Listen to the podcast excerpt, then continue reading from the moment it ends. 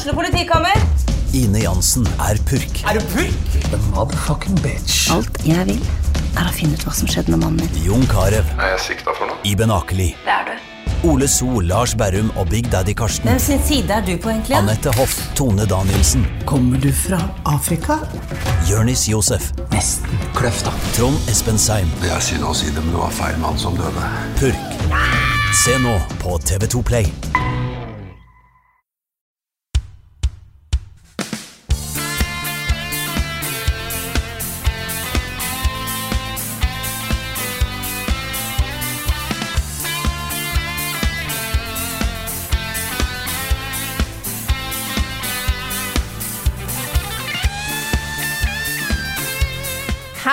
Alle sammen, og velkommen til en helt ny episode av podkasten Level Backup med meg, Frida Danmo, og med meg har jeg denne uka her Rune, Rune Fjell Olsen og Niklas Halvorsen. Dette her med å si Rune Fjell Olsen og Karl Martin Hogsnes er så ekstremt innebygd at det måtte jeg der stoppa jeg opp.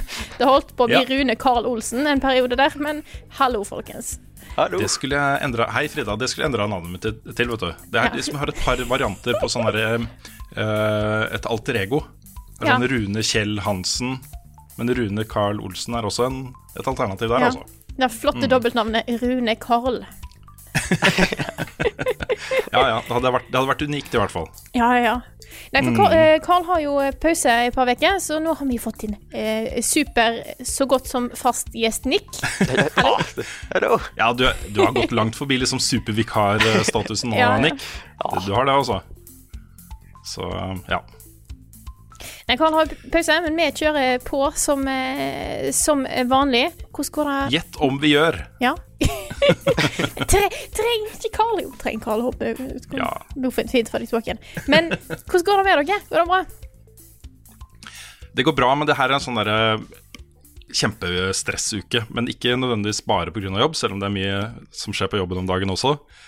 Men det er jo barnebursdaguke, og det er ikke liksom bare én dag med 'gratulerer med dagen' og blåse ut lysene og sånne ting, men det er jo familieselskap, det er selve bursdagsdagen, og det er barneselskap. Så det er liksom ganske mye.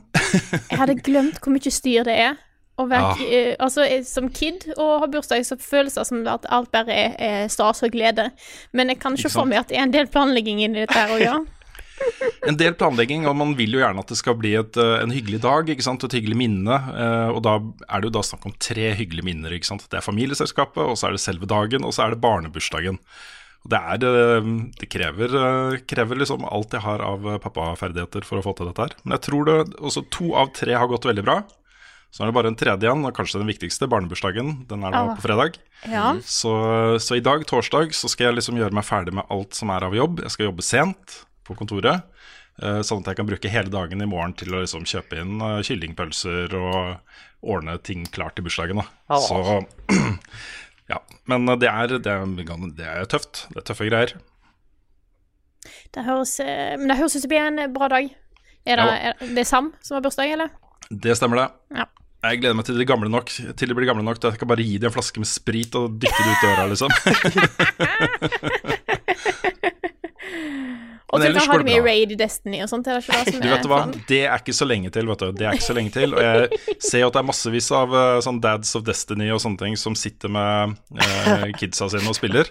Og de er da liksom helt ned i femårsalderen. Jeg syns det er for tidlig, da. Er liksom, nå, er, nå er ungene sju og åtte, liksom. Det begynner å nærme seg. begynner å nærme seg. Jeg lar de få lov til å kikke over skulderen min når jeg sitter og spiller litt og sånt. Så Ja. mm. Du da, Nick? Alt bra? Ja, det går bra med meg. Jeg har akkurat uh, kommet over en forkjølelse, ikke sant? Uff da.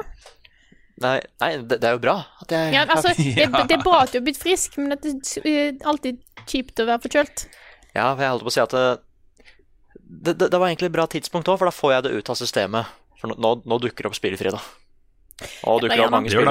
Mm. Ja. Nei, og ellers så, så, så går det bra.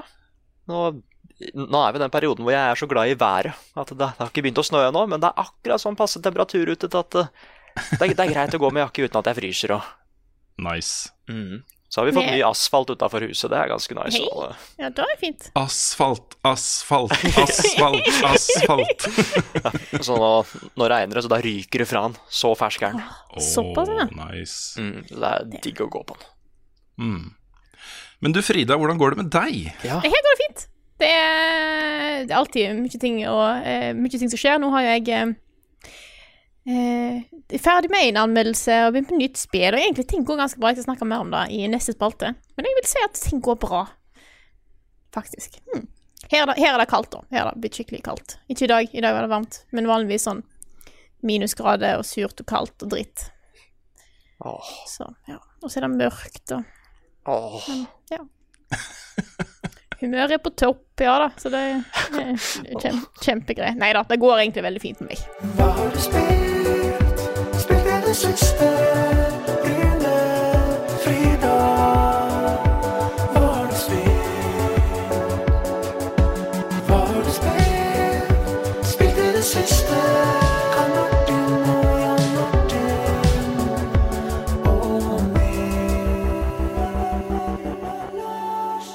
Hvem har lyst til å begynne å snakke om hva de har spilt i det siste?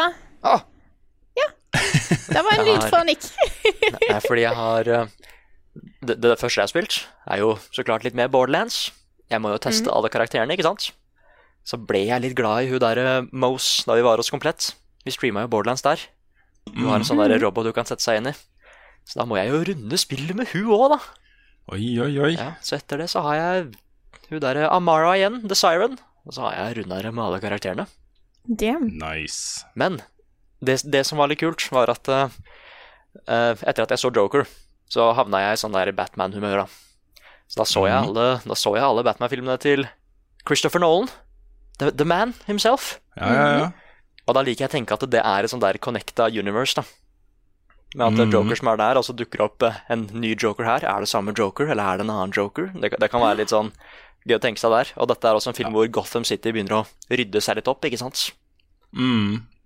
Så, så jeg, Jeg ble litt sånn Nei, ja. jeg, jeg, jeg ble litt sånn satt ut fordi han regissøren av Joker Han har gått ut nå og sagt at det er ikke sikkert dette var liksom the Joker. At det, bare, det kan hende at det, denne rollefiguren her bare var en som inspirerte Joker til å bli Joker. Ja. Da ble jeg litt sånn derre Kom igjen, da! Ja, ta, ta et standpunkt. Si at ja, Ja. det er han. Nei, det ble, det, det var unødvendig Det var helt unødvendig av han å si det, syns jeg. Det er sånn, er det Joker? Ja, men også nei. Ja. Men, men, men det som skjedde, da, var at eh, etter at jeg hadde sett eh, både The Batman Begins, eh, The Dark Knight og The Dark Knight Rises, så tenkte jeg at vet du hva, nå har jeg lyst til å spille Batman-spillene også. De der Arkham-spillene. Mm. ja. Men, men da fikk jeg plutselig en sånn derre Jeg bare sier rett ut, jeg fikk et oh shit-øyeblikk. For jeg har jo ikke spilt okay. Batman Arkham Knight. Aha. Og jeg har ikke åpna det Det engang. Vet du hva, det er et helt spill, eh, Nick. Det er et helt så å si nytt spill. Det bare jeg, si, jeg var jo så spent på det da det dukka opp, men jeg veit ikke hvorfor jeg ikke spilte det da det kom. Det var sikkert bare mye annet som skjedde og sånn. Men Mm. eh, plutselig så bare dukka det opp et helt nytt Batman-spill i huset mitt. Wow. Med, med plass til alt som jeg ikke kan Jeg husker ikke at jeg har kjøpt det. Det bare, bare, bare Fy søren, det, dette Supert. Så da satte jeg meg ned med det, da. Mm. Så nå kan, du, kan, du kan styre Bat eh, Du kan styre Batbilen. Eller Batmobile. Åh, det, er, det, det er veldig gøy. Jeg hadde helt glemt hvor Rocksteady, ass. De kan det å lage superheltspill. I hvert fall Batman. Ja, jeg, altså, Arkham Asylum vil alltid være min favoritt i den serien, uh, uh, serien der også. Det Ja. må jeg bare få sagt. Men uh, jeg må også da nevne at uh, den ikke kontroversielle i det hele tatt butikk, uh, PC-butikken, Epic uh, Game Store, hadde Ja. jo nettopp alle, um, alle de Batman-spillene gratis tilgjengelig. Du Oi. kunne bare laste inn ned. Hele pakka, liksom. Så jeg gjorde det, da. Jeg har liksom eh, reservert de spillene, i hvert fall eh, eh, Arkham Asylum. Så på et eller annet tidspunkt så skal jeg også begynne på de igjen. Mm. Jeg har ikke spilt et eneste Batman-spill i mitt liv, innser jeg. Og det er, det er litt interessant, for jeg har en historie med Batman-spill. Eh, jeg har jo vokst opp med en Sega Megadrive. Den var det jo far min som kjøpte back in the day. Det hadde vi en del spill. Sonic og alle disse greiene her. Men han hadde, han hadde noen spill som jeg ikke fikk lov til å spille, for jeg var ikke gammel nok. Og en av dem var en Batman 2D sidescrolling eh, fighting Sånn, sånn der jeg går rundt og slår dudes-spill. Ja. Eh, da det var innså jeg bare sånn da, da jeg var liten, så var det sånn når jeg blir gammel nok, så kan jeg spille dette her. For jeg husker det var litt sånn, sånn legendarisk sånn Dette kan pappa spille, men jeg kan ikke spille det. Eh, men jeg begynte jo aldri på det, da. Innser jeg. Da fikk jeg aldri spilt. Men jeg bare husker den der, den der fascinasjonen og den nysgjerrigheten. Hva det spillet faktisk var, siden det var utilgjengelig for meg. Jeg husker bare at det eneste jeg har nesten sett, er at jeg har sett bak på eska hva du kan gjøre og sånt, liksom. Ja, ja. Så det var Ah, Men du kan late som at det spillet er Arkham Asylum, da. Så kan du starte med det. Ja, kanskje det. For det er, det er som Rune sier, det spillet er bra, altså. Ja. Det er jo mye av Joker, da. Ja. Også den rollen han har i det spillet. Um, men også, også selve Arkham Asylum som sånn derre eh, Sted da, i Batman-universet, liksom. Mm. Det er jo der alle gærningene er. ikke sant? Og Det er der de rømmer fra for å lage helvete i Gotham og sånne ting. Ja, og det er så Og mye det er- hemmeligheter og bakgrunnshistorie der. Gærne awards og hele pakka, liksom. Så um, veldig glad i det som location, rett og slett. Hvem er det som stemmer til Joker der? Er det Mark Hamill, eller Mark er det Hamill. Det er det, ja. Mark Mm. Hamill Han er helt konge, også. What Helt konge. konge. Mm. Ja, så det Yes. er det jeg har spilt. Ja. Mm. Kan jeg fortsette i dag? Du, det er helt greit. Ja. Jeg har ikke jeg... spilt noe viktig og stort. Nei, jeg tenkte du skulle ta Jeg kan ta um, Jeg vet ikke hvor mye du får Du får vel ikke sagt noe om det ene du har bare fortsett du, Frida, Ja, så jeg tar- tar vi det ja etterpå. Mm. Eh, Nei, jeg eh, Når jeg var ferdig Da jeg var ferdig med anmeldelsen av Conquer Genie, så tenkte jeg hva skal jeg begynne på nå? For jeg innså at jeg hadde noen uker fram til det neste store spillet på lista mi, Luigi's Mansion 3, kom ut. Det er 31. oktober. Halloween. Can't wait. Uh, så jeg satte meg ned med et spill som jeg, har, som jeg så at det kom på Early Access, som jeg har sett litt på. Da er det spillet som heter Noita, uh, der alle piksler er simulert. Det vel det de eh, på en måte hadde som, uh, som tagline. Og da er jo et spill der du spiller som er et eller annet sånn eh, heksmagiker, et eller annet, for jeg tror Noita betyr heks på finsk, eller et eller annet. Det var noe sånt i hvert fall. Ok, Eh, og så skal du da jobbe deg nedover ei håle, et fjell, something, eh, i ulike levels. Og bare på en måte overleve, komme lenger ned, møte på nye områder, nye fiender og sånne ting. Eh, få tak i nye, nytt utstyr sånn, for du har en, eh, du har en wand, en tryllestav som du kaster spills med, som du kan modifisere. Eh, og så er alt det random generert, eh, selvfølgelig, som det pleier å være. Du finner ulike wands med ulike abilities, du kan kombinere ting. Eh, og så mellom hvert level så er det sånn et eget sånn nivå der du kan velge nye upgrades og sånne ting. Eh, alt, er, alt er random. Veldig, veldig kult spill. Er den, eh, hele den derre alle piksler er simulert-tingen eh, er ikke det som jeg måtte, Det kommer ikke Det er kult. Det kommer ikke så tydelig fram. Det er et pikselert spill, og det er veldig mye på måte, Du kan sprenge det meste og sånne ting, men jeg syns spillet er kjempegøy. Det er bare at det er så jæklig vanskelig! Å ja. Ja, fordi at eh, det er så utrolig lett å dø. Du vet ikke helt Altså, det er veldig mye upgrades som jeg ikke skjønner meg på helt ennå. Jeg tror det er da. For det er veldig lite som blir forklart. Du kan eh, På slutten av hvert nivå så velger du én av tre upgrades, og én er liksom more love. Og da er det mer kjærlighet i verden. I guess. Hva, betyr, hva betyr det? Hva betyr det for mitt gameplay?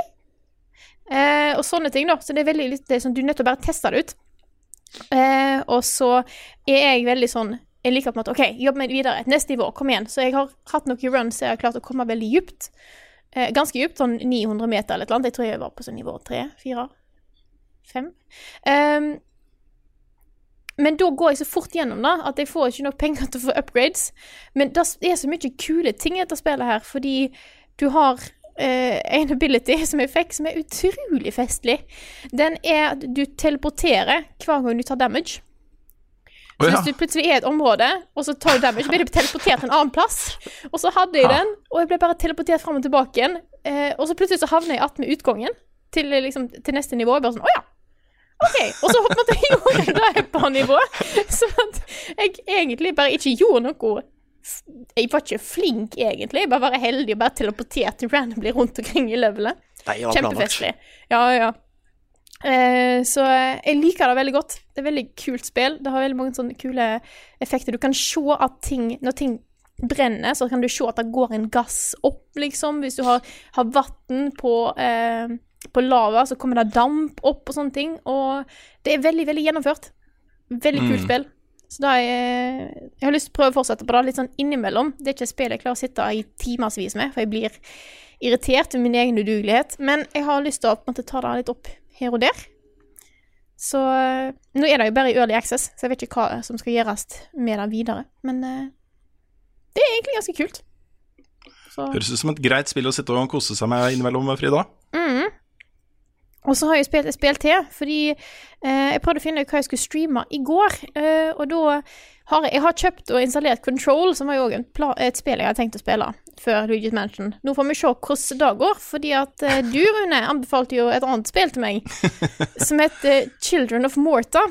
Ja, ja, nei, så jeg tenkte jo bare Men når du får, får det spørsmålet, Ja. har du noen forslag til interessante ting å streame, så, så tenker jeg aha, business kan CEO i Buffkitten AS, kanskje vi har muligheten her til å få testa et nytt spill som vi ellers ikke ville ha snakka om, og som vi burde ha snakka om da det kom på PC tidligere år og sånne ting. Så mm. ja. Det interessante er jo da at jeg hadde ikke hørt om det. Nick hadde ikke hørt om det. Jeg tror ingen i chatten i går hadde hørt om det. Wow. Og da gjorde det enda mer gøy.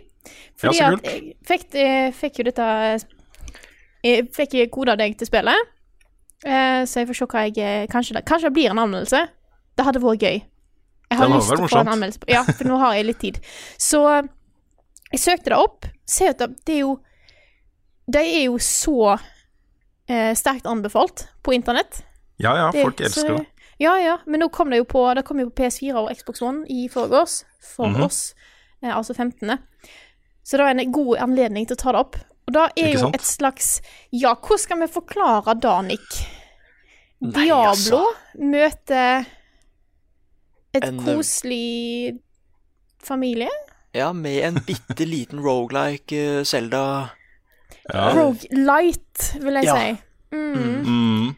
Fordi du er jo en familie her som jeg tror Nå er det alltid vanskelig å meg å si all storyen når du er på stream. Eh, som skal passe Som jeg tror liksom passer på et område.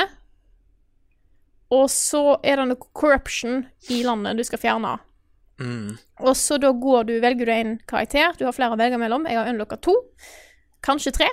Eh, og så skal du da gå i en, eh, en dungeon eh, i veldig sånn Diablo-like stil. Eh, ta ut enemies, komme til bossen.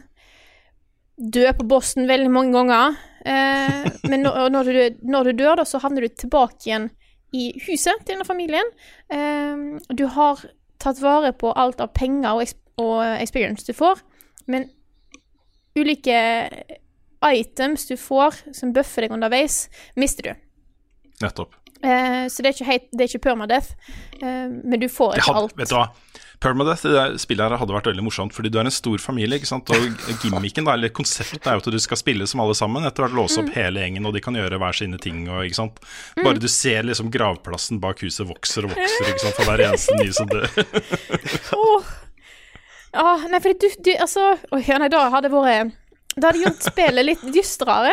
For det, Ja, det jeg vil det. si, at spillet er utrolig koselig. Altså Mm. ikke da å gå bli drept av edderkopper konstant, men eh, når du Mellom hver gang du er ferdig med et nivå, eller dør, kommer tilbake til familien, så er det liksom små historietråder som skjer. Mm. Eh, du får se at eh, mor går ut i hagen og treffer masse dyr, og Jeg skal ikke mm. si så mye av det, men det er liksom det er så mange ting, og så treffer du på folk for quests i dungeon, som òg har en påvirkning på familien. Det er skikkelig, skikkelig, skikkelig koselig. Det var det som egentlig, eh, da jeg begynte å gjøre litt research på det spillet da det ble lansert til PC tidligere år, så var det det som traff meg. Også den derre eh, Den koselige familien og det huset med varmen og peisen og liksom den hjemlige liksom følelsen som det ga. Kobla da mot ganske sånn heftig fighting-system og dungeons og monstre og utforsking og alle de tingene der, liksom. Det er akkurat da, og det, jeg føler det er så sjelden du ser den kombinasjonen av veldig liksom sånn kamp Altså gå i dungeon og drepe monster og greier, Mm. kombinert med en veldig koselig historie. Eh, og liksom, uh, liksom world- worldbuilding rundt den familien her, om hvordan forholdet deres er og litt sånne ting. Det, det, var, det var skikkelig sjarmerende. Eh, Mm. Vi fikk en sånn veldig fin scene på slutten av streamen i går, vil jeg si, Nick. Mm, Den var, den var skikkelig fin. det ble en Så- liten happy ending Ja, det ble på, på streamen. Ja. Det har jo local co-op, så jeg, eh, jeg nevnte det hjemme i går, at kanskje det hadde vært gøy å spille, så det kan være at jeg får testa ut den co-open òg. Eh, for det dette kult. tror jeg er et eh, kult spill å spille sammen med noen. Absolutt. Det tror jeg også. Helt sikkert. Så da var meg. Stilig, stilig. Nei, så nevnte jeg, Jeg har ikke noe spesielt å snakke om denne uka her i det hele tatt. Det har ikke skjedd noe sånn dritkult med meg. Jeg har ikke fått et spill som jeg har gleda meg til i mange år. Tilsendt, Nei. altså, jeg, har fått, jeg har fått kode av Death Stranding for helvete. Og det er um. Det eneste jeg har lov til å si, det er at jeg har fått kode av Death Stranding for helvete. Ja. Altså Det står spesifikt at det er det, akkurat det jeg må si. ja. Uh, og at embargo er 1. november. Så eh, det er jo da en hel uke før lansering, den 8. november. Og det er- til. Ja, det er så utrolig deilig å ha god tid med et spill som du har lyst til å ha god tid på, og du ikke har lyst til å føle det presset for å bli ferdig til en embargo, fordi hele internett kommer til å snakke om det på den dagen, ikke sant? Du, du vil jo gjerne være med på den samtalen der, ikke sant? Så det er kjempebra. Jeg får tid til å runde det sikkert både én og to og tre ganger. Jeg har f.eks. lyst til å spille gjennom én gang på normal, liksom, det, det som blir anbefalt da når du starter spillet. Jeg er litt spent på akkurat hvordan det gjøres også, fordi um, eh, tidligere så har det jo vært en del av de Metal Gear Solid-spillene hvor du får, et, får spørsmål om hvor godt du kjenner til Metal Gear Solid fra før. Eh, om du har spilt liksom de forrige spillene og sånne ting. Og så blir på en måte vanskelighetsgraden, og noen, i noen tilfeller også hvor du starter i spillet, blir eh, basert da på hva du har svart. det er litt kult. Men eh, Kojima de har jo lagt til et, en mode her som er very easy mode. Det har han hatt i tidligere spill også. Eh, hvor han forteller liksom på Twitter at han har fått folk som ikke spiller i det hele tatt, til å spille gjennom hele spillet på det modet, og det har gått helt fint. og sånne ting Så jeg har lyst til å teste det også, bare se hvordan det endrer opplevelsen. Mm. Så det er masse greier. Og ja Um, Jeg har en del andre ting som uh, må ut av verden før jeg får liksom virkelig dykke ned i spillet. Så nå sitter jeg liksom og venter på en anledning til å bare liksom fråtse i det, og så bare skru av alt, liksom skru av telefonen og alt, bare, ikke sant, gå inn i det. Go wild. Ikke sant? Så, så det, her, det her er en, en utrolig fet opplevelse også. Så det er uh, veldig stilig at de har gitt anmelderne uh, verden over anledning til å gjøre dette her. Det er sånn det burde være på alle spill, egentlig. Ja. Det er liksom, det hender innimellom at på store RPG-er og sånt, så kan en få det tidlig. Mm. Men uh, det er sjelden det er så tidlig. Jeg og, jeg og Nick snakka litt om det i går. Eh, Jeg husker ikke om det var på stream eller før. Eh, Jeg syns det er fascinerende eh, når, de, når embargoen er såpass lenge før release. Da føler jeg at For nå, jeg har ikke spilt Jeg bare sier jeg har ikke toucha Death Stranding, så dette er bare mine tanker om, Mm. om ting. Um, jeg vil tippe at det betyr at utviklerne har veldig trua på at dette her blir bra, og at en embargo så tidlig skaper bare enda mer hype rundt spillet. Ja, jeg har en liten utfordring der, fordi det er ehm, Det er jo en slags sånn NDA. Jeg har ikke signert, liksom. Det er ikke en sånn officially legal documents-type ting. Um, men eh, jeg, det jeg, kan si, jeg kan si såpass at det er tatt grep da, til alle som har akseptert å få tidligkode, som uh, skal liksom forhindre at uh, for store spoilere kommer ut før Ja. 8. Det er jo Så jeg tror, ikke, ja, jeg tror ikke folk trenger å være redd for å se anmeldelser av det spillet den 8. november. Det kommer til å være mer enn nok av det spillet som ikke uh, vil være offentlig. Og hvis det er offentlig, så er det noen som har brutt uh, den avtalen. Da. Og det er jo alltid litt sånn der, jeg, blir alltid, jeg, er ikke, jeg er aldri happy for å gå med på sånne ting. Men uh, hvis, hvis jeg liksom i min prosess med å spille dette spillet her skulle finne ut at, at de betingelsene som er satt, da, ikke um, er noe jeg kan gå med på, så er det bare å vente til spillet er lansert med anmeldelsen. Så vi får se hva jeg gjør. Jeg, antageligvis så har jeg en anmeldelse, for jeg er veldig opptatt av å ikke spoile ting sjøl. Jeg vil ikke spoile det for folk. Ja. Så det er aldri noe som jeg syns er vanskelig å gå, uh, gå inn på. Men eh, ja, jeg, jeg, jeg tenker at vi lar det ligge med det. Det vil da komme en anmeldelse, mest sannsynlig den 1. november, av uh, fuckings Death Stranding, som jeg har fått kode til, for helvete! det er ikke så ofte jeg går ut på sosiale medier og deler liksom Se hva jeg har og dere ikke har, type ting, men her måtte jeg bare gjøre det også. Ja, jeg skjønner det. Det er lov, da. Det var dårlig gjort, men jeg, jeg respekterer det. ja. Eh, Men jeg har spilt andre ting også. eh, Og det her, vet du hva? Jeg satt og tenkte på det i dag. Spillåret 2019, når jeg skal lage topp 10-liste for deg, det kommer til å bli den mest spennende topp 10-lista jeg har lagd noen gang, tror jeg. Så mange interessante, kule ting som har kommet liksom litt under radaren og fra eh, små utviklere og sånne ting. Gode ideer, gode spill, gode konsepter. Og så er det så mye forskjellig. Ja, spennvidden er helt ekstrem, da. Så det spillet jeg har spilt nå, det er jo et spill som alle snakker om på Twitter. I hvert fall de jeg følger. Jeg har en ganske grei eh, liste med folk jeg følger der. Altså, fordi jeg får med meg alle de der Buzz-spillene. ikke sant? De kommer, dukker opp uh, på Twitter. Og Det er da et spill som heter Disco Elysium. Og bare det navnet, altså. Disco Elysium. Det er liksom ja, ja, kult navn på et spill. Det er liksom ikke noe tradisjonelt spillnavn engang. Og det her er jo en Jeg vil si Jeg ser det blir omtalt som et rollespill. Eh, Jeg spiller det som et adventure-spill. Pek og klikk adventure-spill. Med dialogtrær og klikke deg rundt på mappet istedenfor å liksom bevege deg med et piltaster og sånt. Eh, velge items, eh, lese hva som står om de, ha samtale med folk osv. osv. Men dette her er jo for det første veldig morsomt. Også morsomt skrevet. Du, er, du våkner fra noen sånn derre sånn limbo-situasjon. Alt er mørkt. Det er en stemme som snakker til deg, og så begynner de indre stemmene dine å snakke til deg.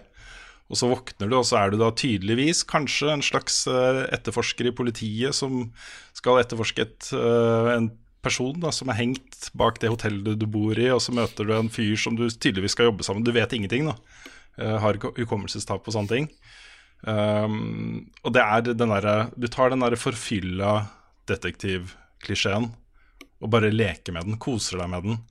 Uh, masse sånne kule samtaler som uh, kan ta liksom helt åndssvake retninger, liksom. Det er veldig morsomt. Veldig sånn uforutsigbart alt du opplever, da. Du vet liksom aldri Nå har jeg ikke sant, jeg har bare spilt starten. Og jeg, det jeg har av missions, er at jeg skal synge karaoke. Ja. Eh, jeg måtte rapportere liksom at, eh, at eh, badgen min tydeligvis da er borte, og det samme gjelder våpenet mitt, liksom. Jeg må prøve å få ned et lik som henger i et tre uten å kaste opp. Det er en hel haug med arbeidere som demonstrerer fordi de ikke får lov til å komme inn på arbeidsplassen sin. Også det er sånn der unions versus business-greier, liksom. og det er en by da som jeg bare har sett en liten liten del av ennå, men som jeg har sett liksom på, på videoer. er dritsvær. da Masse forskjellige områder og steder du kan gå inn og snakke med og sånne ting. Så det er foreløpig liker jeg det spillet der kjempegodt. Og det, er, det kan fort havne på en topp 10-liste, det også. Og så har du liksom sånne spill som eh, Outer Wilds og Sayonara Wild Hearts og Observation og Det er liksom så mange kule ting da som har kommet, som er uh, skikkelig, skikkelig bra.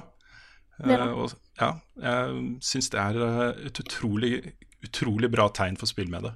At det er sånn. Yeah. Yes. Det er også masse altså Rollespillelementene her går i at når du skal velge da en character, så kan du enten velge mellom tre eh, forhåndsbestemte greier. Dette her går jo på da rollespillverdier som eh, intellekt og karisma og sånne ting, liksom. Hvor du får da poeng som du kan fordele på de forskjellige tingene. Eh, eller du kan lage din egen, så jeg valgte en med eh, veldig mye sånn eh, intellekt og overtalelsesevne pøsa inn nesten alt der, og veldig lite strength da, og sånne ting. så eh, du får hele tiden da opp eh, på viktige tidspunkter i samtaler, så kan du rulle terningene for, eh, for å liksom komme uh, fram til liksom et svar, da, eller en perception i samtalen, som gjør at du kommer et skritt videre ikke sant, i mordgåten du skal løse. Så det er stilig, også. Um, I love it tror det, tror det har vært noe for det, i hvert fall for deg, Nick. Det er litt sånn filmatisk og mye kult som skjer, da. Er det et Det var det du snakket om i går, var det ikke det? Hva sa du, Frida? Det var det du snakket om i går, Nick, var det ikke det? Ja, jeg hadde hørt navnet og at det hadde fått gode anmeldelser overalt. Mm. Så jeg, men jeg visste ikke at det var et detektivspill. Nei, det er et detektivspill. Ja, du skal det- gå rundt og det- inter interrogate folk og samle beviser og sånne ting, liksom. Det, det høres veldig spennende Er det et stort mysterium? Uh, det vet jeg ikke ennå, men jeg tror da, fordi det, det begynner å komme inn litt links her, liksom, hvor du har eh, et styresett i denne byen her, som uh, tydeligvis har liksom fingre overalt og gjør et eller annet, og så har du uh, The Union, som også fagforeninga, som er liksom bullies.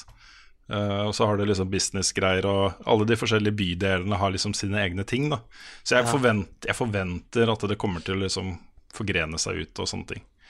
Så um, Men jeg har også hørt at uh, du kan dø i dette spillet, f.eks. Um, akkurat hva som skjer da, er jeg litt usikker på. Om du kommer tilbake med samme character den når du starter ny igjen. Men um, jeg tar dette her som en sånn Jeg vil ikke vite så mye mer om hva som skjer videre. Det er kult å liksom bare la dette stedet her uh, skylle innover meg. Og bare gå de, gå de retningene som, uh, som det ønsker å gå, på en måte. Så det er bra. Uh, ellers så er nok mest sannsynlig anmeldelsen min av Destiny 2 Shadowkeep ute når uh, denne podkasten her er ute. Jeg har skrevet manus, jeg har voisa det, begynt å klippe det. Og da skal det utrolig mye til for at den ikke kommer ut da. Enten eh, torsdag kveld eller mandag tidlig formiddag. Så, så den er veldig på vei. Torsdag kveld eller mandag formiddag? Eller fredag eh, formiddag. Ja. Det var liksom veldig snart. Kanskje jeg mandag. jeg har liksom bursdagsforberedelse hele fredag, så for meg så eksisterer ikke den dagen. Den er liksom rydda for at jeg skal kunne gjøre det, så den eksisterer Ja. ikke. Mm. Og så er det jo helg. Det, ja, det blir fredag, da. Tenker jeg. Jeg tenker jeg får publisert den på fredag. Men grunnen til at jeg er litt usikker på om det blir da torsdag kveld eller fredag morgen, er jo at uh, dette blir også en tekstanmeldelse på gamer.no. Ja, Så, um, så det har vært en litt interessant ting også. Sitte og skrive et manus som jeg vet også på en eller annen måte jeg må omformulere til å bli et tekst, uh, tekstmanus. Så folk skal lese. Så det vil jo ikke bli noen store, store forskjeller, egentlig. Men uh, det er jo en Jeg merker så godt, for jeg, har jo, jeg var jo tekstjournalist i veldig, veldig mange år før jeg begynte med video. Og jeg merka nå da hvor mye det at jeg skal vise bilder til det jeg sier, har påvirka måten jeg skriver på. Fordi eh, det er liksom så ofte hvor jeg tenker at ok, jeg kunne lagt til en setning om hvordan akkurat dette funker, men jeg trenger jo ikke, for her skal jeg vise video av hvordan dette her funker, liksom, og folk kommer til å se hvordan det funker. så eh, jeg er ikke helt sikker på om jeg får det, får det til sånn 100% som en tekstanmeldelse, altså. Det er litt sånn vanskelig. Jeg er så vant til at folk skal se hva jeg snakker om. Så vi får se. Du kan klare det, Rune. Vi har trua på deg. Ja da, det, var, det er litt gøy òg, da. Det er litt gøy. Altså, jeg var ikke klar over at jeg savna å skrive tekstanmeldelser. Det, men det var jeg tydeligvis. Ukens Ukens anbefaling. Hva skal jeg finne på? Ukens anbefaling. Hva skal jeg finne på? Ukens anbefaling. Hva skal jeg finne på? Det er jeg som sitter klar med en anbefaling denne uka her. Jeg har eh, nemlig skaffet meg et brettspill som jeg eh, ble veldig, veldig fan av. Dette er Jeg fikk høre, fikk høre om det via Petter. Han hadde spilt det på, på nett på en sånn derre sånn tabletop simulator-greie. Vi har kjøpt det.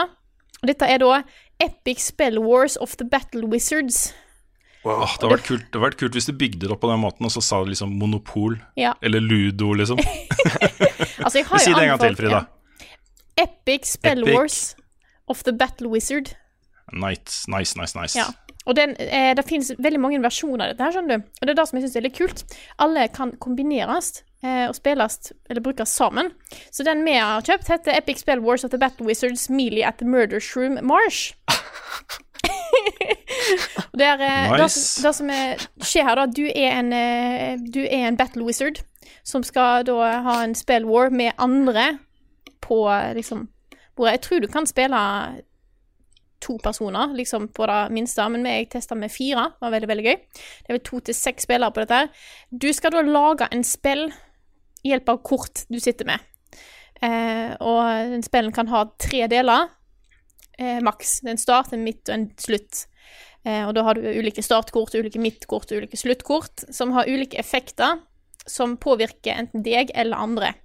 Eh, du kan ha en start som er, Altså, alle disse her har jo sjukt teite navn. Selvfølgelig. Alle disse kortene her. Nå har jeg dessverre ikke funnet fram noe eksempel, men du kan for eksempel eh, Du har eh, I den expansionen jeg har, da, så har du blant annet eh, eh, noen katter du kan bruke, og så det noen sopper noe, noe sånne, Det er mye forskjellig rare sånn The Slimy, et eller annet eh, Death Laser, something, something. Så er det om å gjøre skade på andre, og ta ut de andre spillerne, og overleve sjøl.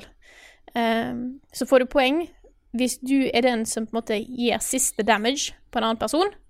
Eh, og hvis du er den siste til å overleve, og så gjør han dette her mange runder. Det er kjempegøy. Det er så enkelt, og så er det så mye teite kort, og så mye teite illustrasjoner.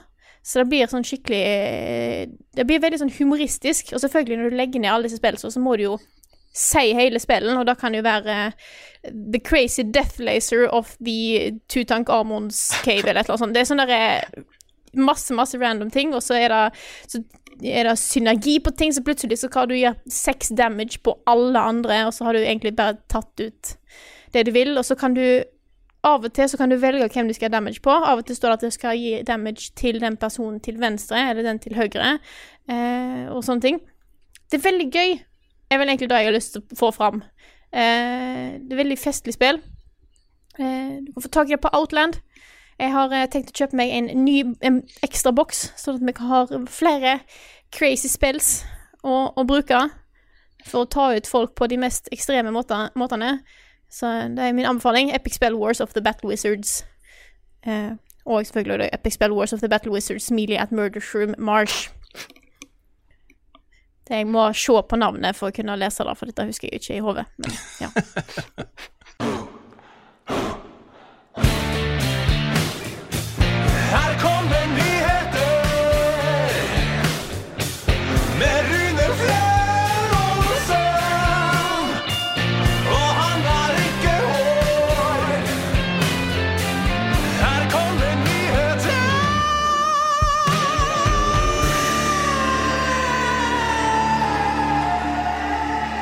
folk over hele verden har jo hatt en eh, utrolig sånn turbulent uke. Eh, plutselig så gikk jo favorittspillet til eh, 200 millioner mennesker eh, i svart. Det var liksom Fortnite ble lagt dødt. Eh, Epic sletta alt innhold på sosiale mediekontoene sine. Eh, gikk ut med en, eller annen melding om at det er over, folkens. Og hvis de som var med da på det siste eventet i eh, sesong 10 av Fortnite, Uh, fikk jo se liksom hele kartet bli slukt ned i et sort hull og sånne ting. Og så havna jo det sorte hullet på sånn livestream. Så det satt liksom titusenvis Rett etterpå så satt jo liksom mange millioner mennesker på YouTube og Twitch og uh, Mixer og overalt liksom og fulgte livestreamen av dette sorte hullet her, liksom. Og alle var sånn Hva skjer nå? Epic sa ingenting. For et nydelig altså, Noen ganger så blir jeg Jeg har jo jobba i PR-bransjen uh, med reklame og sånne ting også. Jeg blir sånn varm i hjertet av det PR-grepet de tok der. Ja. Det er amazing. Det er amazing. De fikk hele verden, til og med dagspresset. Altså, jeg, alle vi som jobber med Ikke sant? Alle vi som jobber med spill, ble jo oppringt av opptil flere journalister fra liksom Dagbladet, NRK, DN og TV 2 og alt mulig rart. Så hva skjer nå, liksom? Uh, og du så jo også de store mediene fråtsa jo voldsomt til dette her. Bare sånn spekulerte i er det dødt, liksom. Jeg syns det er litt sånn ufint, da. Ja, alle, skjønte jo, alle skjønte jo at dette var et PR-stunt. Selvfølgelig. Det var jo så opplagt. Og det var sånn her, Mm. Er det slutten på Fortnite? Nei, det er ikke sånn at Epic sitter der bare sånn Ja, nå har vi, vi har tjent nok penger med nå. Jeg har tjent nok penger, jeg trenger ikke mer penger. Bare, var det ikke jeg gøy vet det er en del som klager på at ungene kanskje Vi bare stenger ned hele dritten. Ja, nå er ferdig. Ja, det er greit. Det er fint. det. Det er Fint. Herlig. Supert. Takk for oss. Det er liksom Ja. Det er jo Det gir jo, det gir jo ikke mening. Selvfølgelig. Nei, men jeg det var dritkult? PR-stunt, og jeg så jo klipp Ja, fra den eh, akkurat i dag, på en måte Den eksplosjonen som var. Kult så kult. Det Mm. At det bra har vært der, hadde vært fett også. Det har vært kult å ha vært der. Mm. Hva skjer nå, liksom? Men jeg vet jo at uh, spillerne var jo bekymra, oppriktig bekymra. Både for om uh, Uh, De visste jo ikke det var, De visste jo ikke 100 sikkert om det kom tilbake eller ikke. Og ikke minst så visste de jo ikke hva som skjedde med alle de itemsa de hadde kjøpt. All den Ja. kosmetikken, alle dansene og skinsa og sånne ting. Eh, blir alt fjerna, liksom. Men så gikk det noen dager, da, så er du tilbake da med liksom kapittel to og et nytt map. Og du kan fiske, og det er liksom en del nyheter da som, eh, som virker ganske bra. Så men først og fremst så var det sånn En applaus for uh, Epic uh, der til en utrolig vellykka PR-kampanje. Det er veldig imponerende, altså. veldig bra. Um, og så snakka vi masse om Blizzard i forrige uke, og all turbulensen rundt uh, banning av folk som snakka varmt om Hongkong-demonstranter og sånne ting. Um, det er ikke så veldig mye nytt som har skjedd i løpet av uka som har gått, annet enn at Blizzard har uh, kommet med en statement hvor de uh, forkortet straffen til Blitzchung og de andre som hadde fått straff, fra da ett år til seks måneder. Og Blitzchung fikk også beholde eh, prispengene sine. Eh, de har også banna et par andre folk i uka som har gått, som har benyttet anledninga til å protestere og demonstrere. Eh, og dette, De har kansellert et Overwatch for Switch-event. Altså, de har gjort en del sanne ting. Det har skjedd ganske mye sanne ting. Eh, men det de sier, da, er eh, De påstår og ber om å bli trodd på at dette bare handler om at de ønsker at deres offisielle sendinger og kanaler skal være dominert av spillsnakk og ikke av potensielt kontroversielle diskusjoner som det vil være sterke meninger om. Altså De vil at alle skal føle seg inkludert og sånne ting. Jeg tror ingenting på dem. De kan få lov til å si det. Men øhm, i, i, dette handler om Kina. Her er, her Tror jeg er- fortsatt. Ja. I en Altså, jeg tror at uavhengig av hva slags stor politisk konflikt som hadde blitt tatt opp, så hadde de måttet tatt grep. Men grepet som blir tatt nå, er definitivt større og mer drastisk og mer hardtslående enn det ville vært på andre ting. Og det er vel det som er viktig, for jeg tror at jeg skjønner Blizzard sitt ønske om å holde de store politiske diskusjonene ut forbi deres streams som går på et spill, men det er ingen som kan si noe på at altså, dette her var øv, altså, overdramatisert på grunn av at det var Kina. Ja, ett år, liksom. Et helt år. Ja. Og inndragelse av 10 000 dollar i premiepenger. Jeg, jeg syns bare liksom uh, Ja, det er å skyte spurv med kanon, liksom. Og hvorfor gjør de det? Ja. Uh, vi, vi kan la det ligge. Det kommer til å også, Det er en pågående det, en slags eh, folkeaksjon da, mot Ja. Blizzard akkurat nå, uh, med boikott og sånne ting. Spent på hvor dette her ender. Jeg Jeg fikk en sånn tanke i dag. Ja, Jeg er fikk en sånn tanke i dag. Hva, hva om liksom alle de som spiller Blizzard-spill, begynner å uttrykke støtte til Hongkong? Og så Hva Ja. skal de gjøre da? Skal de bare skjøtte ned i et halvt år? Alt, Ja, liksom, alle ligaene sine og alt mulig rart? Dæven. Det er jeg òg tenker på, at det er ikke så lenge til BlizzCon.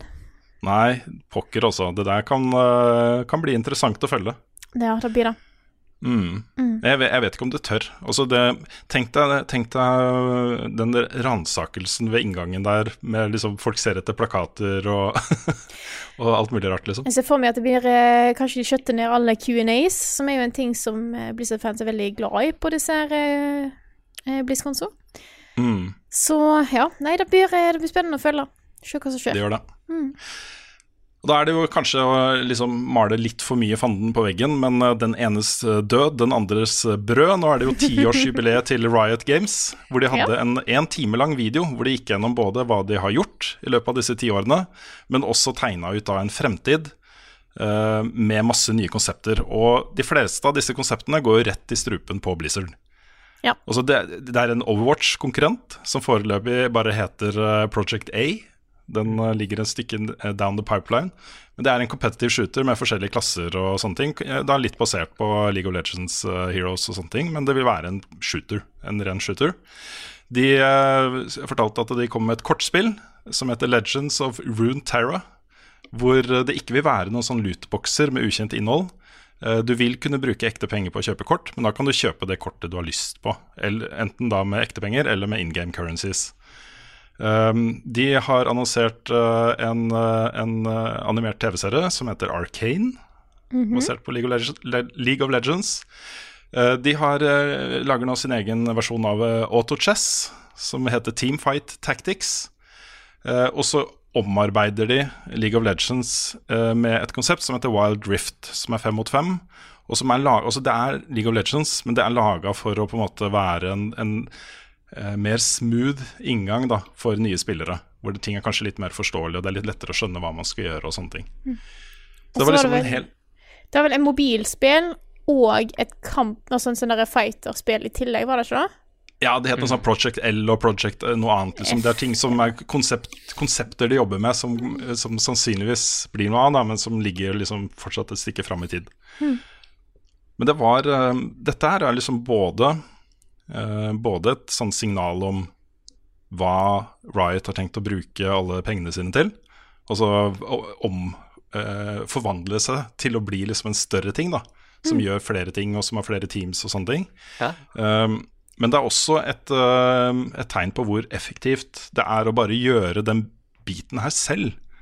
I ditt eget, på, på din egen måte, uten å liksom være på scenen på etere eller, uh, eller noen sånne ting. Her har de bare brukt tid på å lage en video uh, hvor de snakker med fansen direkte, på en måte. Og får massiv oppmerksomhet på det. Jeg syns det er veldig effektivt.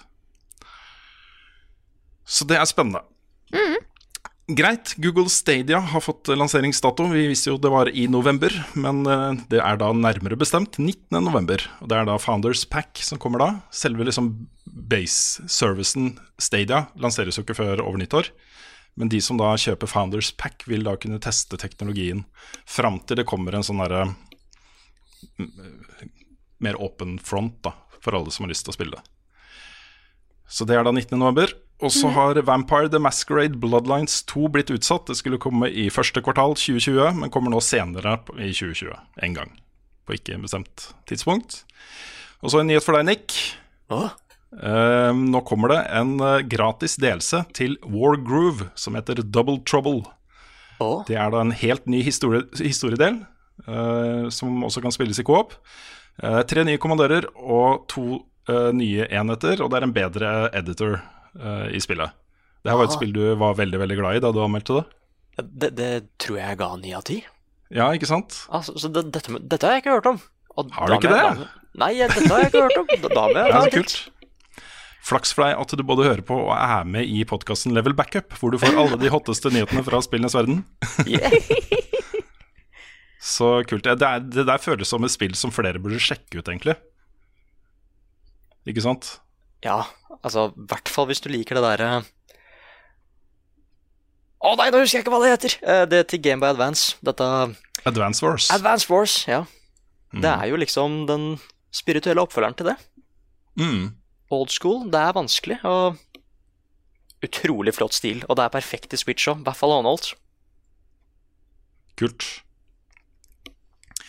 Det lanseres i dag, og når jeg sier i dag, så mener jeg da fredag. Jeg vet denne podkasten her kommer ut på fredag. Et spill jeg har fulgt med på lenge som heter Manifold Garden. Og dette er jo et sånn derre Escher eh, med masse sånne eh, umulige vinkler og eh, konstruksjoner og sånne ting. Veldig sånn visuelt slående spill, da. Um, som ser kjempespennende ut. Det lanseres da både på Apple Arcade og på Epic Game Store. Så sjekk ut den, folkens. Og så har da eh, CD Project Red fått igjen og igjen spørsmålet om uh, Cyberpunk 2077 kommer på Switch, og svaret deres har nå kommet. Og svaret er sannsynligvis ikke. Da Sannsynligvis ikke. Så mye siden Probably ha- not. Ja, så mye som de har jobba sikkert for å nedskalere Witcher 3 til Switch, så er jo eh, Cyberpunk 2077 enda verre. Da tror jeg blir vanskelig jobb, altså. Så jeg skjønner godt at det er bare sånn eh, Nei. Sannsynligvis ikke. Jeg syns bare det var så kult, uh, kult svar. De har jo ikke sagt nei. Nei. Men da er den fine bare sånn Nei, nei, nei. I don't know. Kommer Ruen sin standup på DVD, eller? Jeg selger et guttenavn. Hva er det vesle karet sitt?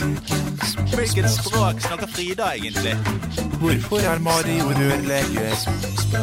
Og vi sparker denne spalten her i gang med et spørsmål fra TK Ribland, som skriver angående det som skjedde forrige uke med Blizzard. Syns dere spillmedier skal kritiseres på samme måte som andre kunstformer? Skal man drøfte politikk og samfunnsetikk i prat om spill, eller skal sånne temaer holde seg langt unna?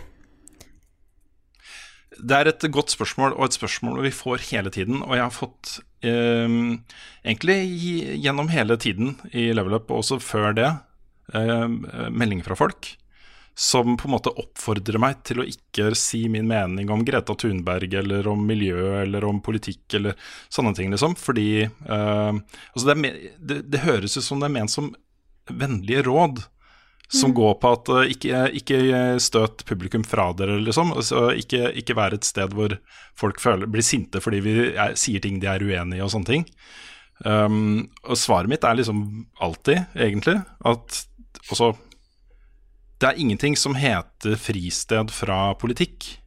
Det er ingenting som um, Det å på en måte ignorere viktige samfunnsspørsmål fordi det kan være kontroversielt, er liksom hvor, Hvorfor skal man gjøre det, på en måte? Altså, er, eh, dette er, det vi gjør, da, er veldig personlig. Mm. Og det ville vært veldig veldig rart hvis vi eh, hele tiden bare lot være å snakke om politikk i det hele tatt. Eh, og det er også å nedvurdere spill med det, føler jeg, da. At du eh, bare kaller det liksom eh, lett underholdning som alle kan like, uansett hva de mener om andre ting, liksom. Og sånn, sånn skal det ikke være, sånn bør det ikke være, føler jeg, da. Nei, og spesielt hvis vi eh, ser på liksom og da spørsmålet her, da, om spillmedier skal kritisere på samme måte som andre kunstformer. Jeg tenker at hvis vi har lyst Da tror jeg de fleste har lyst til, i hvert fall som er innenfor spillbobla. Hvis vi har lyst til å få spill opp på høgda med alle de andre kunstformene, så bør det selvfølgelig få lov til å måtte diskuteres og kritiseres på samme måte som de andre. Spill er ikke noe egen sånn derre dette, er en, dette er en kunstform, men her har vi kun, har vi kun hyggelige, koselige ting.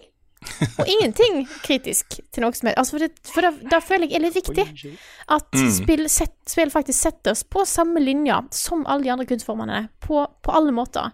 At spill Mm. kan kunne ta opp politiske, kontroversielle ting eh, for å faktisk få i gang og drøfte en samtale om det. Mm. Ja, jeg er helt enig med deg, Frida. Nå skal det også da sies at uh, vi er jo bevisste på den effekten våre personlige meninger om visse temaer kan ha, liksom. Og vi ønsker jo ikke at, at uh, det skal være det som definerer hva Level Up Norge er, på en måte. Vi vil, jo holde, vi vil jo også gjerne holde spillene i fokus, men samtidig så er det liksom det er, det er noen ting som, uh, som jeg personlig føler det er viktig at jeg bare gir beskjed hva mitt ståsted er, liksom. Jeg vil gjerne, jeg vil gjerne at folk skal vite det, da. Mm. Uh, uten at jeg liksom setter meg ned og lager en serie på ti podkaster om temaet, liksom. Men uh, uh, jeg legger så mye av meg sjæl inn i level up, og inn i de tingene jeg gjør, at om jeg skulle bare ignorere den siden av meg fullstendig, så ville det føltes for meg ganske uærlig. Altså, som om jeg skjuler noe Mm. for, for views, da, eller for uh, subscriptions, eller et eller annet, liksom. Ja. Um, og det, det er ikke en god følelse, altså. Det, er eh, sånn, det, det føles litt som å selge seg, på en måte. Um, og så Ja. tror jeg liksom hvis folk følger med på alt vi gjør og alle de tingene vi lager og sånt, så er det ikke Det det er en ganske liten andel av det vi gjør som på en måte kan karakteriseres som politisk, da. Vil jeg si. Ja, det er jeg helt enig i. Eh, jeg eh, Jeg kom til å tenke på noe. Jeg har jo uh, kunsthistoriebakgrunn. Jeg har jo to år, eh, det er to fag med kunsthistorie, musikkhistorie, eh, fra videregående. Og en ting som er veldig tydelig i både altså typ bildekunst og musikk, er jo at da følger de politiske og historiske eh, hendelsene i verden veldig tydelig. Eh, Mm. Veldig interessant. Og da vil en jo òg med, til å se tydeligere og tydeligere i spill òg. Eh, så derfor blir det jo mer naturlig for oss å ta opp sånne ting i tillegg. Mm.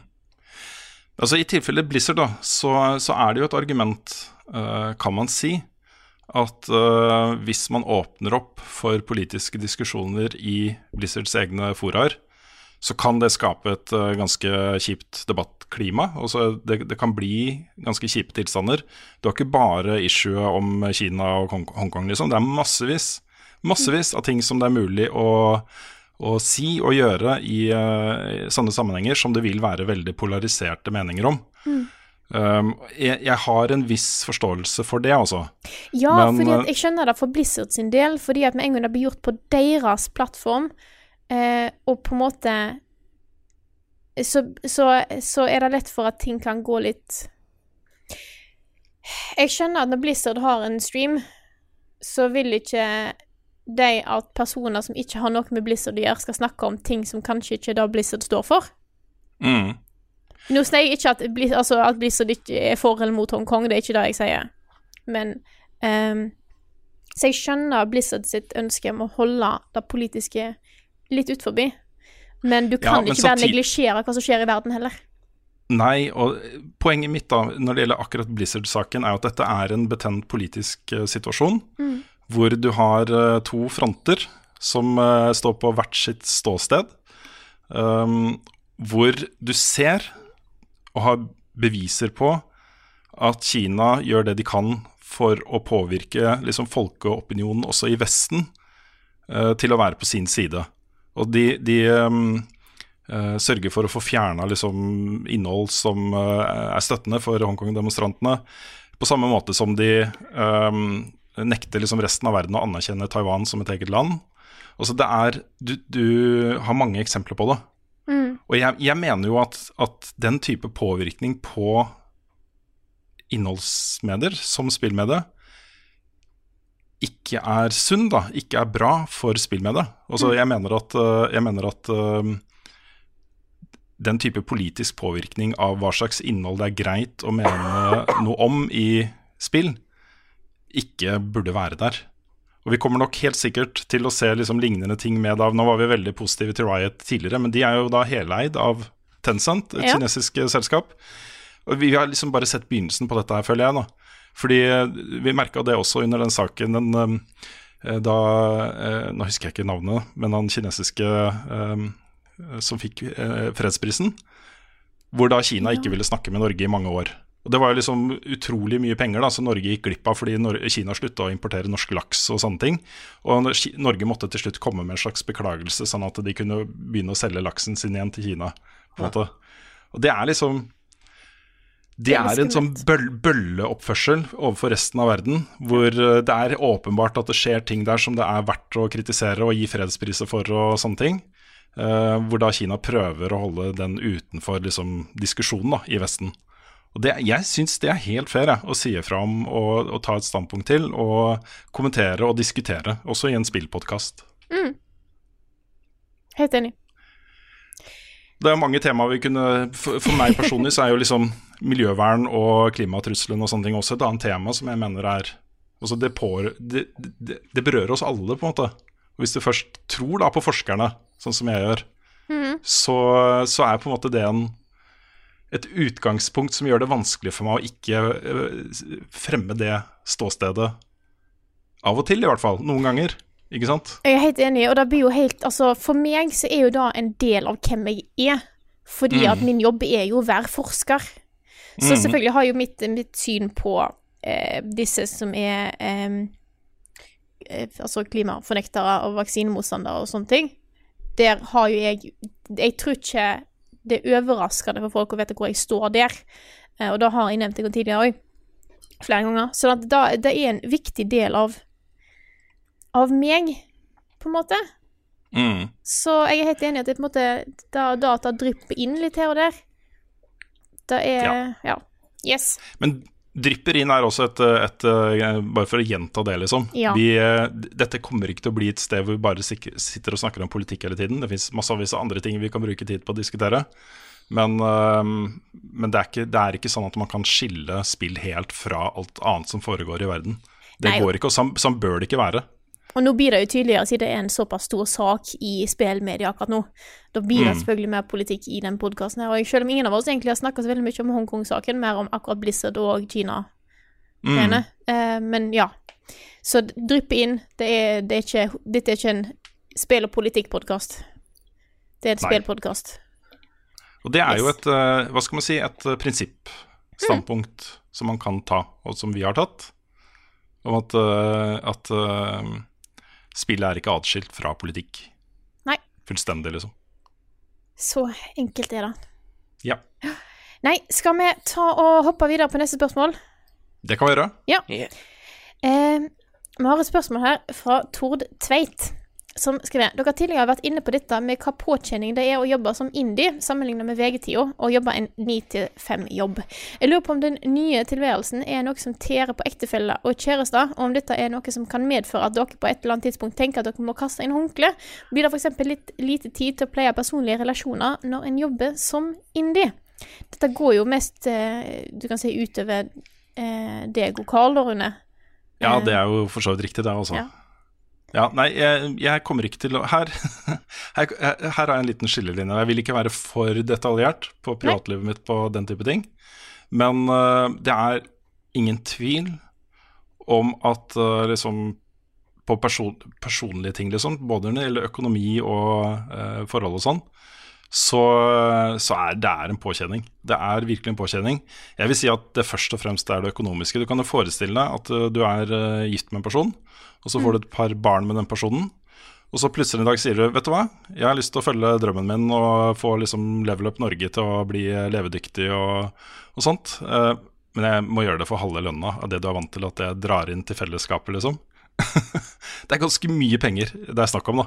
Mm. Det er uh, faktisk veldig mye penger. Det har jo vært uh, Ja, det er, det er veldig mye penger.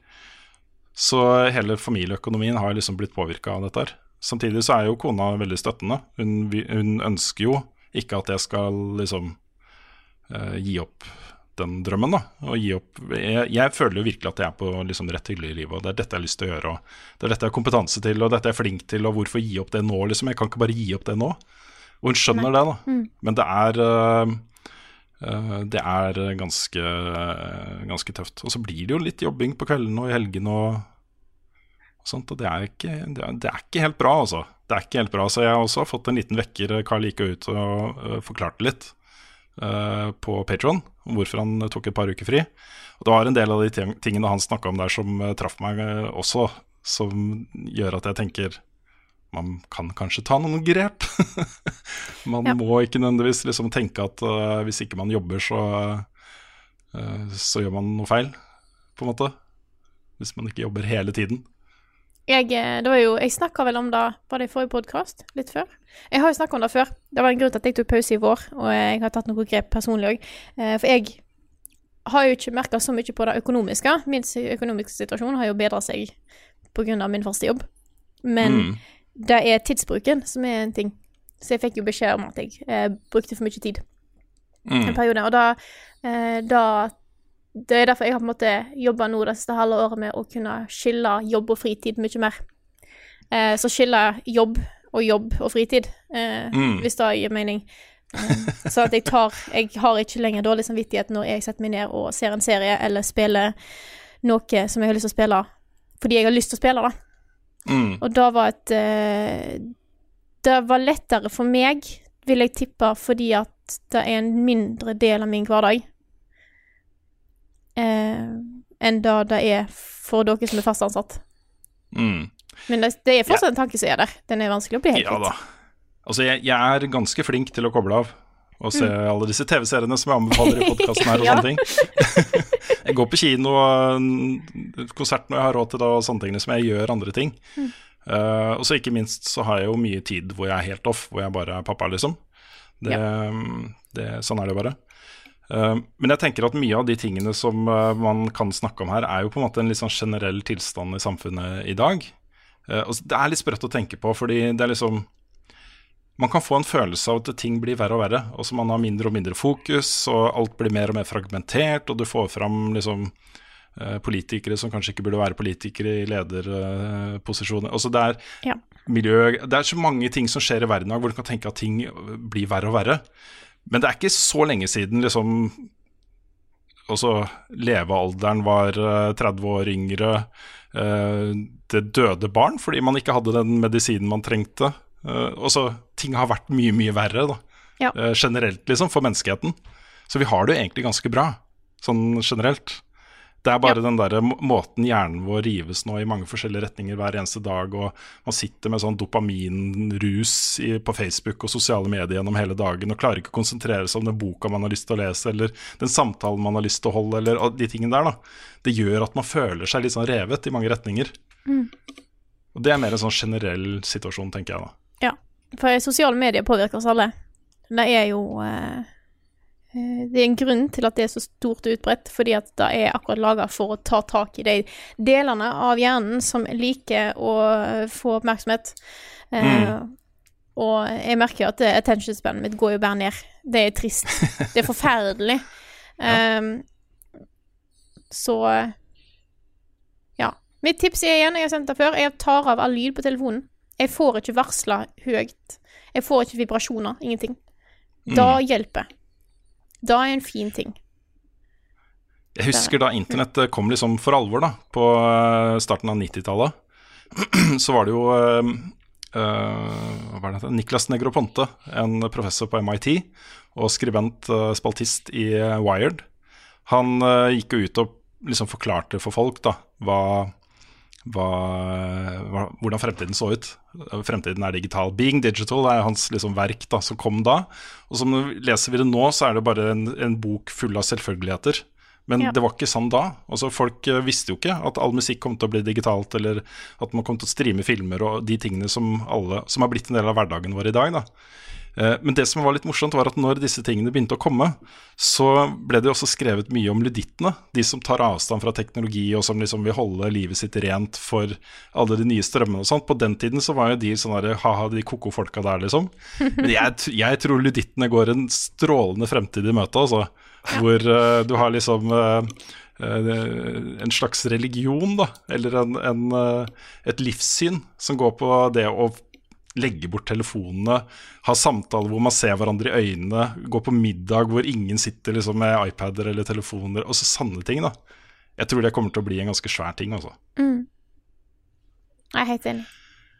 Så ja, dit er vi på vei, da. Men vi har det ganske bra egentlig generelt, bortsett fra Ja. at verden brenner opp og de tingene, så har menneskehetene som helhet ganske bra. Eh, mer likestilling, mindre fattigdom i Afrika. Eh, Ja. Du så liksom eh, statsministeren i Etiopia fikk fredsprisen for sitt arbeid for demokratisering av landet. Så det, er, det, det skjer ting hele tiden ikke sant, som gjør at levekårene våre blir bedre. Mm. Så vi, generelt sett så har vi det bedre enn man kanskje skulle tro. Ja. Yes. Det er to eh, tunge spørsmål, dette her. Har dere noen Det ble spørsmål på lager? Har du Ja, jeg har et- eh, Ja. ja. Ja, jeg har et her fra Sander Lintner Sevland, som spør. Eh, dere nevner embargo hele tiden når dere snakker om anmeldelser og lignende, men når det kommer til anmeldelsene dere lager, så er de som oftest på norsk, og de fleste spill som dere vurderer er jo som regel laget av engelske eller japanske eller andre fremmedspråklige studioer, som i parentes antageligvis ikke kan norsk. Men disse driver jo ikke akkurat og holder kontroll på hva dere sier til enhver tid, f.eks. i podkasten eller offentlig. Spørsmålet er hva hadde skjedd om dere hadde brutt embargoen? Må det rapporter rapporteres inn, uh, eller noe sånt? Um, det, det var et morsomt spørsmål. ja. Um, for det første, når vi får kode, så er det gjerne av liksom danske eller svenske eller norske PR-selskaper som jobber for disse publisherne, og som har liksom oversikt over eh, hver, sine, hver sine områder. da. Mm. hvor de eh, tar en beslutning på hvem som skal få kode osv. Så, videre, så de vet jo hvem vi er, og de kan norsk. Og det hender jeg får eh, mail fra, fra disse PR-selskapene hvor de sier at de har sett anmeldelsen til Nick og syns den var veldig morsom, eller uh, din Frida og syns den var veldig bra, eller sanne ting, liksom. Uh, så de følger med, de ser på de tingene, og de lager rapporter for publisherne om hva slags score vi har gitt, kanskje med noen sitater fra anmeldelsen. I noen tilfeller tror jeg de oversetter hele anmeldelsen. Uh, sånn at de som sitter sentralt da, i, hos publisherne, skal ha full oversikt. ikke sant? Så det er, det er eh, en vakker tanke. At vi bare kan snakke norsk, så er det ingen som bryr seg om hva vi gjør. Men sånn er ikke verden. Men den andre delen av spørsmålet, hva hadde skjedd om vi bryter embargo? Det er et eh, mer interessant eh, spørsmål.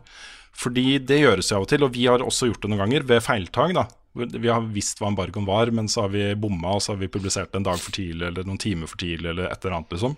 Tidssone er vanskelig. Ikke sant. Ja. Så det har skjedd noen ganger, og det har også skjedd eh, at folk har gjort det med vilje. Det som som regel skjer i de sakene, er jo at man blir på en måte svartelista. Man får ikke kode. Man har vist at man ikke klarer å holde de avtalene som er gjort. Ok, da får du ikke kode neste gang. Det hender jo, i hvert fall i VG-tiden, så fikk vi jo av noen ganger da det hadde skjedd, det var et par-tre tilfeller hvor det skjedde, spørsmål om ikke vi kunne fjerne anmeldelsen eh, til etter embargo. Og da fikk jeg jo beskjed fra mine redaktører om at eh, nei, Såpass, ja. det kan vi, ja, det kan vi ikke gjøre. Det er publisert, liksom. Vi kan ikke uh, Ja. Det kan vi ikke. Eh, Men det har sikkert vært tilfeller hvor de har sagt ja, fordi det er signert f.eks. en avtale som klart stipulerer at man ikke kan gjøre det. Og Det som ligger i noen av disse avtalene, er jo trusler om rettslig forfølgelse og, og store bøter og sånne ting.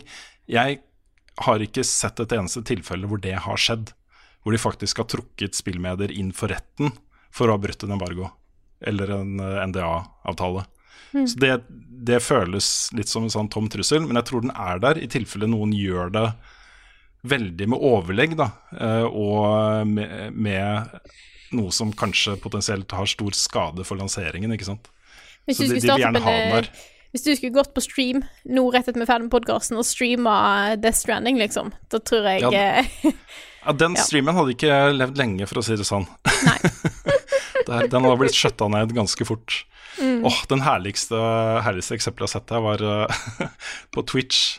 En fyr som satt med håndkontroll og lata som om han spilte et basketspill. Men det han gjorde, var jo å streame basketball, NBA, liksom.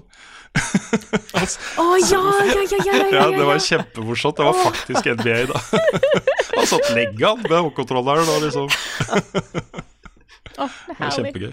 Ja. Nei, men jeg, jeg er ikke så veldig glad i NDA-avtaler og embargoer og sånne ting. Jeg synes, jeg skulle gjerne vært uten. Skulle gjerne ha publisert ting når jeg føler at jeg har lyst til og sånne ting. Men eh, så lenge det ikke påvirker hva jeg mener, eh, eller hva jeg kan snakke om, eh, til evig tid. Det hender jo at det er begrensninger på disse avtalene som sier at før liksom, lansering, ikke snakk om de og de tingene eller det og det kapittelet eller ting etter det kapittelet. Sanne ting, liksom. Mm.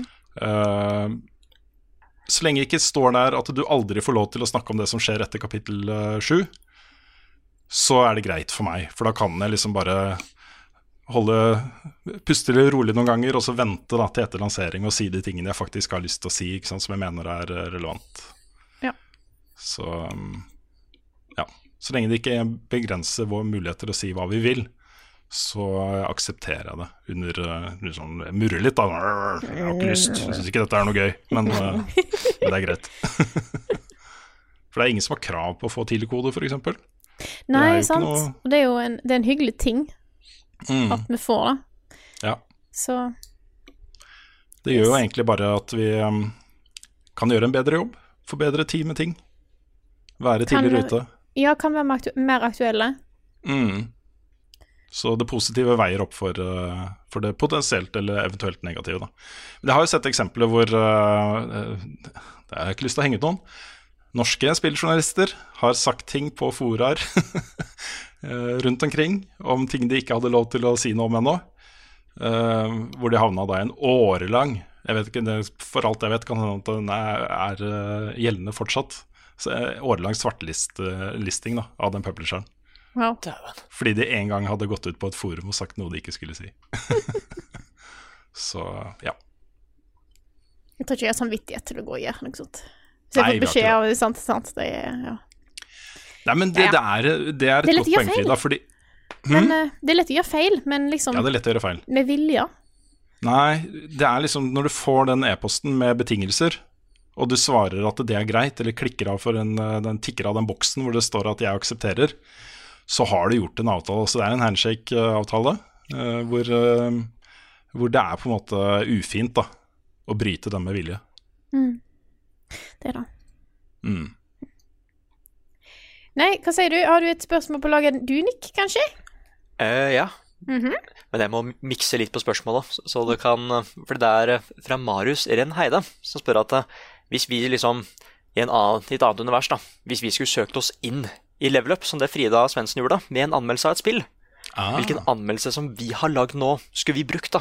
Så Oi, det er liksom hva Hvilken anmeldelse er vi er veldig fornøyd med, dere? Favorittanmeldelse? Eller bare en vi er veldig glad i? Jeg er Hmm. veldig glad i Celeste-anmeldelsen min. Den er veldig fin, Frida. Mm. Ja, den er bra. Den tror jeg kanskje jeg hadde gått for, for den er en sånn herlig kombinasjon av det derre eh, seriøse, litt sånn poetiske meg, og når jeg prøver å være litt morsom. Mm. Eh, Det spørs veldig på spillet. Jeg merker jeg blir veldig sånn seriøs og poetisk på eh, Concrete Genie. Eh, det, det er et eller annet med stemningen. Det er sånn der, nå, dette er, nå bare, det er litt sånn hva stemningen er i når jeg skriver, da. Men jeg tror kanskje Celeste. Mm. Yeah. ah, Jeg må nok si kanskje Kanskje Spiderman. For der hadde jeg så Jeg føler at der hadde jeg så god kontroll. Ja. Der, er der, fikk vi, der fikk vi liksom spillet tidlig. Altså veldig tidlig. Og det var så deilig å få det ut til embargo. Og vi snakka Mm. veldig om det at vi får jo sånne spoilerlister for hva vi ikke skal snakke om og sånn, ikke sant. Og det var bare sånn Mm. ja, ja, Bare så lenge jeg ikke spoila sånne plot twister og sånn, så kunne jeg Så hadde jeg veldig mye frihet. Mm. Og så var det så gøy å se at folk var så spente på det spillet. Ja. Så da var det gøy å liksom få det ordentlig ut. Så jeg må nok si uh, Spiderman. Så kunne jeg Mm. sette inn noen sketsjer her og der og ja, den er også knallgod. Mm. Ja, thank you. Er du da, Rune. Hva, er, hva skulle du ha søkt deg inn på eh, hos Level Up eh, med? Nei, altså, det er jo en anmeldelse som eh, altså, jeg, jeg både er fornøyd med, men som jeg også liksom tenker at åh, jeg skulle gjerne fått muligheten til å lage den på nytt. Og det er uh, Inside-anmeldelsen min. Som eh, Jeg var veldig happy med ideen hvor jeg var liksom Tony Soprano som sitter og snakker med psykologen fra Sopranos. eh, om alle problemene jeg fikk av å spille Inside. Liksom. Litt sånn gimmicky, da, men jeg syns det var en morsom idé som uh, som funka i hvert fall greit nok til at jeg kunne publisere den. Men hvis jeg skulle gjort det på nytt, så ville jeg ha funnet et sted som ligna litt på det kontoret. Istedenfor å sette meg ned i den røde sofaen på det lille kontoret vi hadde på- Hava Media. Og gjort litt mer ut av det, liksom. Hatt, eh, ikke, kanskje hatt noen til å ha kamera og sørga for at liksom, vinkelen på ansiktet mitt var riktig, at det så ut som jeg faktisk snakka med henne og sånne ting. da. Um, den, uh, men jeg var veldig fornøyd med konseptet. Jeg syns det var, uh, var gøy. Ja, det var veldig Eller- stilig. jo, takk.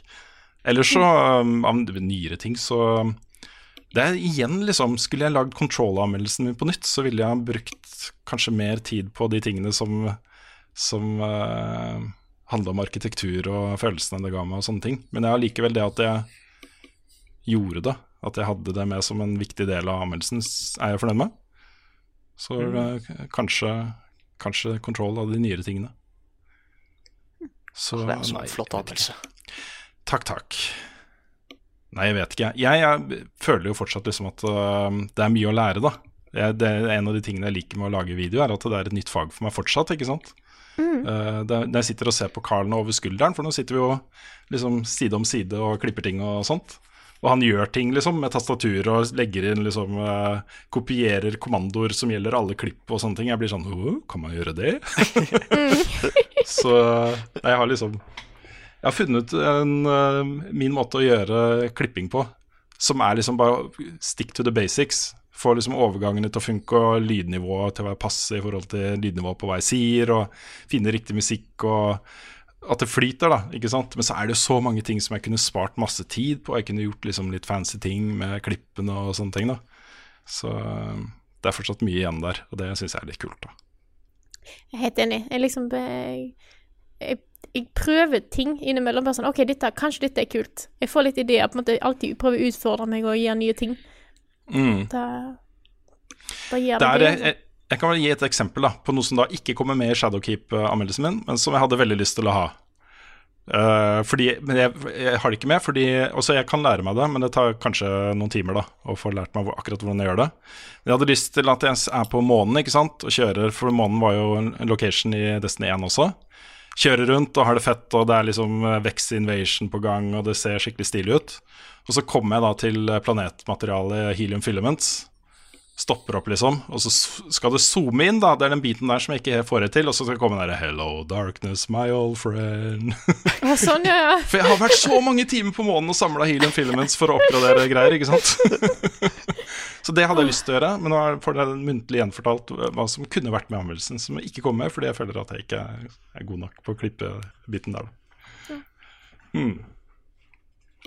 Jeg kom på at jeg er veldig fornøyd med Minute-anmeldelsen min. Ja, den også var veldig bra. Det er et sånn kult konsept. Den er så det, smart. ja, nå, det her blir sånn der, um, dette blir sånn medarbeidersamtale, nesten, da. Men Ja.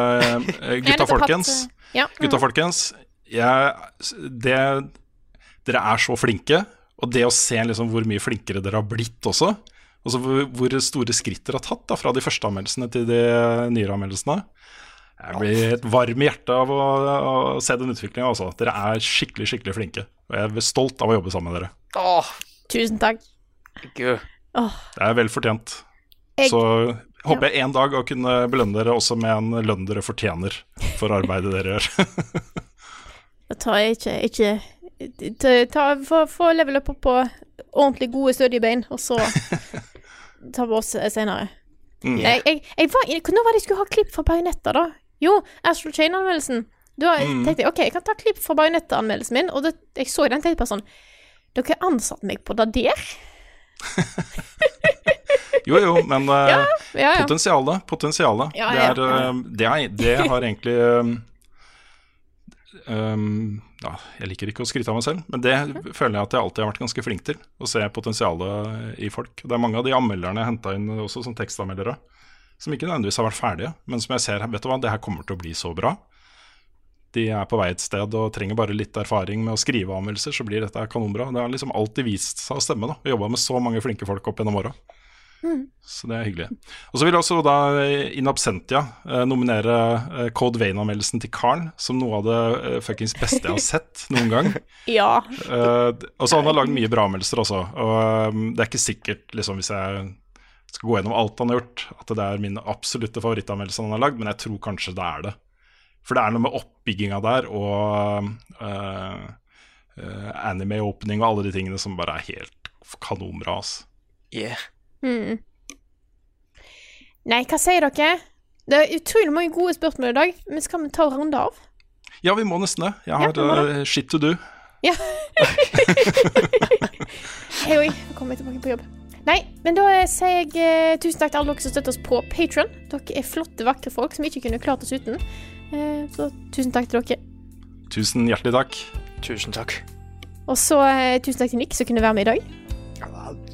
Anytime, altså. Det er bare hyggelig. Det er ja, det er det for hyggelig oss, for oss også, Nick. Og med da så sier jeg tusen takk for oss. Takk for at du hørte på denne episoden her av Level Backup. Og så snakkes vi igjen neste uke.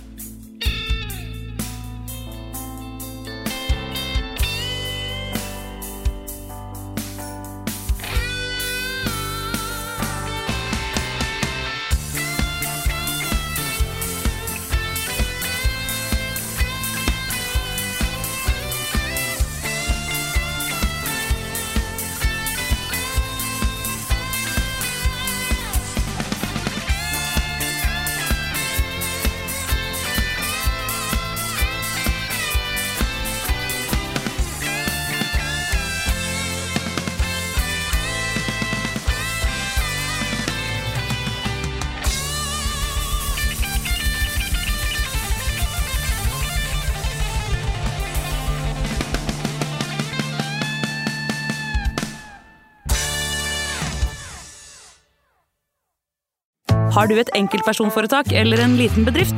Da er du sikkert lei av å høre meg snakke om hvor enkelt det er med kvitteringer og bilag i fiken, så vi eh, gir oss her, vi.